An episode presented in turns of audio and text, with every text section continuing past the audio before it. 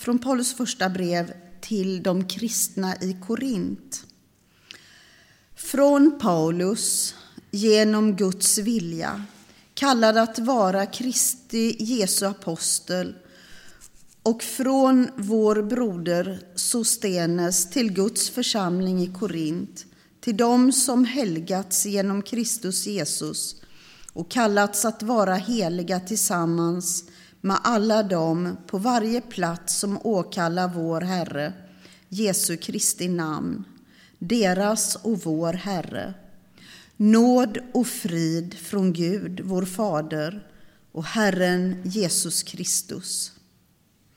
Han tackar sedan Gud för församlingens fasthet. Jag tackar alltid min Gud för att han har gett er sin nåd genom Kristus Jesus.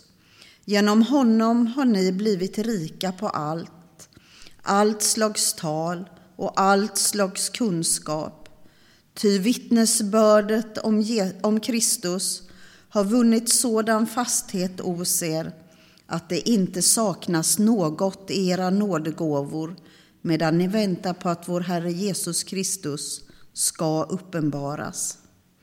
Han ska också ge er fasthet ända till slutet så att ni inte kan anklagas på vår Herres Jesu Kristi dag.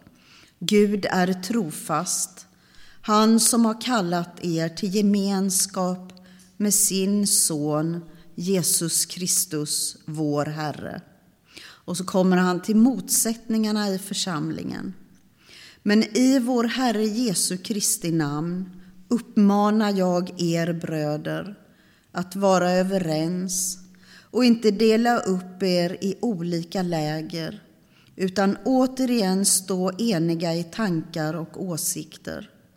Av Kloes folk har jag nämligen fått höra, mina bröder, att det förekommer motsättningar bland er. Vad jag menar är att ni säger jag hör till Paulus eller jag hör till Apollos eller jag hör till Kefas eller jag tillhör Kristus. Har Kristus blivit delad? Vore det, var det kanske Paulus som korsfästes för er? Eller var det i Paulus namn ni döptes?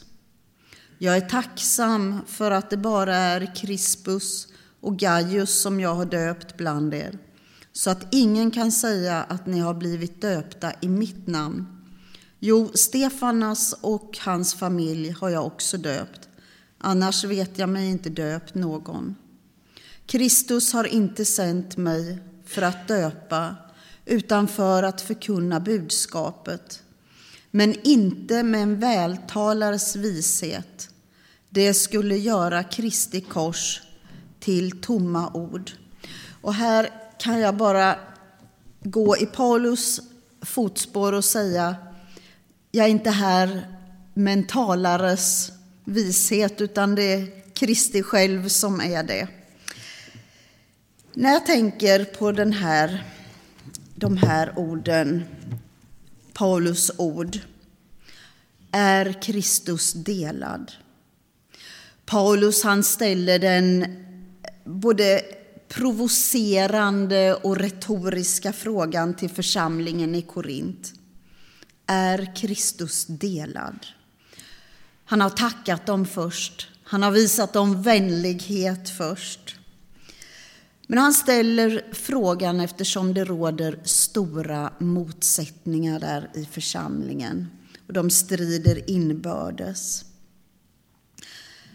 Han vill att ljuset ska falla på Jesus Kristus. Han vill att människor ska tänka till. Vad är det de håller på med egentligen? Men så enkelt är det ju inte att frågan bara kan, kunde ställas där och då utav Paulus. Utan den kan vi ju ställa även här och nu, i vår tid, i vår del av världen, i vår kristenhet. När jag allra först läste den här texten och började fundera på den så var det två saker. Det var många saker som ploppade upp i mitt huvud, men det var två som stack ut lite extra. Den första var salmen 61. Lågorna är många, börjar den. Ljuset är ett, ljuset Jesus Kristus. Lågorna är många, ljuset är ett. Vi är ett i honom. Det andra som eh, kom upp i mitt huvud, det var ett minne som jag har. Ett minne från en söndag i Skänningen när jag precis hade börjat studera till präst. Jag är uppvuxen i en församling i, nere i Småland. Fast på den här sidan av Småland där frikyrkligheten och Svenska kyrkan är ganska så, man kan säga, långt ifrån varandra. Man hittar inget gemensamt och så. Och det var eh, ganska knökigt där och man stod eh, på barrikaderna mot varandra. Men den där sommardagen när jag kom till Skänningen, för då jag var där som tjänstebiträde och jag hade studerat en termin på universitetet. Då hade jag fått i uppdrag att vara med på en ekumenisk gudstjänst i Sjölingården. Ni kanske har varit där, många av er, och firat gudstjänst någon sommardag. Eh, och jag var van vid att innan, innan gudstjänsten börjar så ber vi tillsammans. Vi knäpper händerna och ber tillsammans. Och jag säger till de här herrarna, för det var det, herrar, pastorer som var där, att kan vi inte be tillsammans innan vår gudstjänst? Och jag gjorde det på väldigt darriga knäveck, lite rädd som jag var för den här frikyrkligheten. Eh, men jag repade mod till mig där i alla fall. Ja, ni får skratta lite, för det är lite roligt faktiskt. Men de här då två pastorerna, de sa så äntligen, äntligen så kommer det någon från Svenska kyrkan och vill be tillsammans med oss.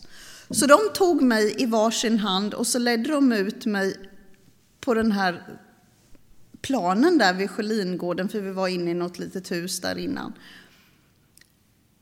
Och så säger de, nu ber vi tillsammans i hela församlingen, alla de människor, det var fullt av människor där. Och där började vi att be tillsammans och vi bad länge och väl tillsammans. Eh, och där och då kände jag att vi är ändå ett. Vi står här en varm sommardag och ber tillsammans. Jag från Svenska kyrkan och de från olika frikyrkoförsamlingar och människorna som var där. Och det var någonting, det var väldigt stort för mig, ska jag säga. Eh, men det var något väldigt gott också att se hur vi kunde enas och hur vi kunde be tillsammans.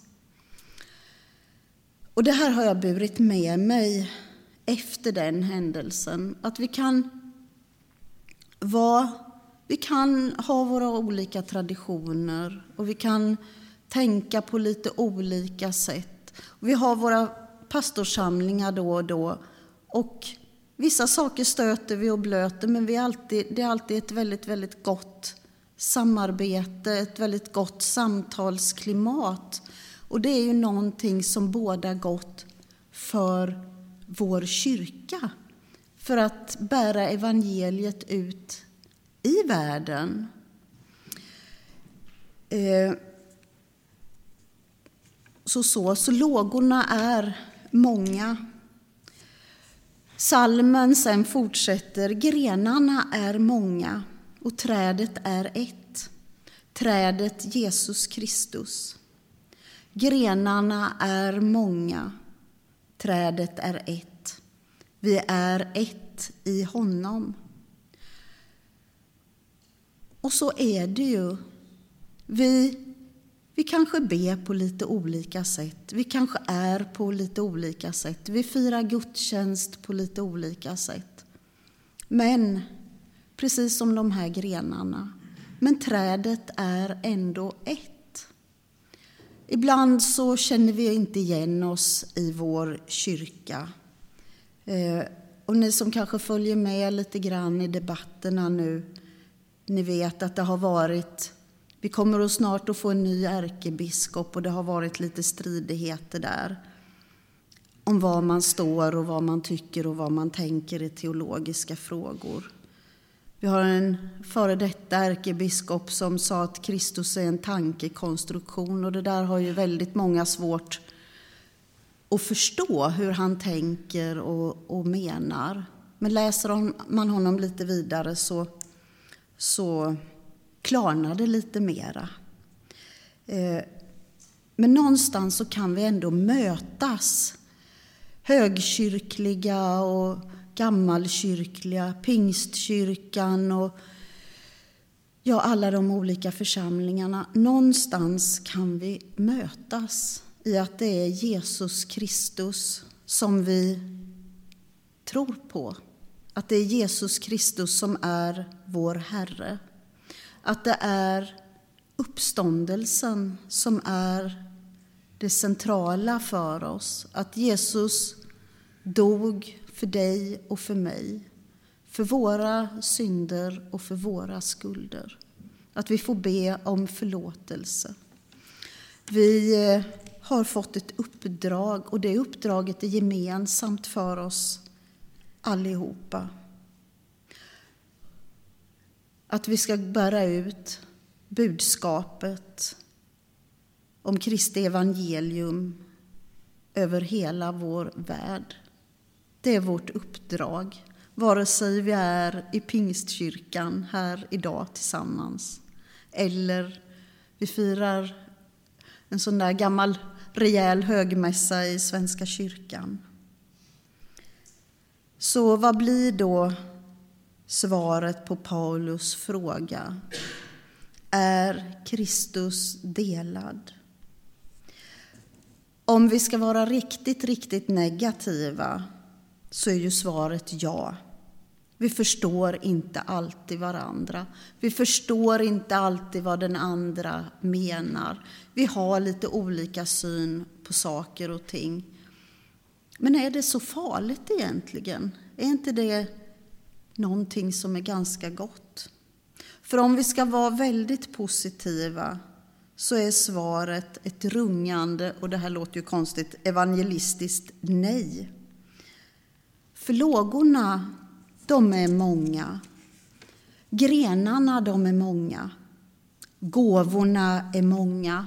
Var och en av er här idag, vi har fått våra gåvor och alla behövs. Tjänsterna är många, tjänsterna som vi kan stå varandra bi med. Och lemmarna är många, men kroppen, kroppen den är en. Jesus Kristus. Amen.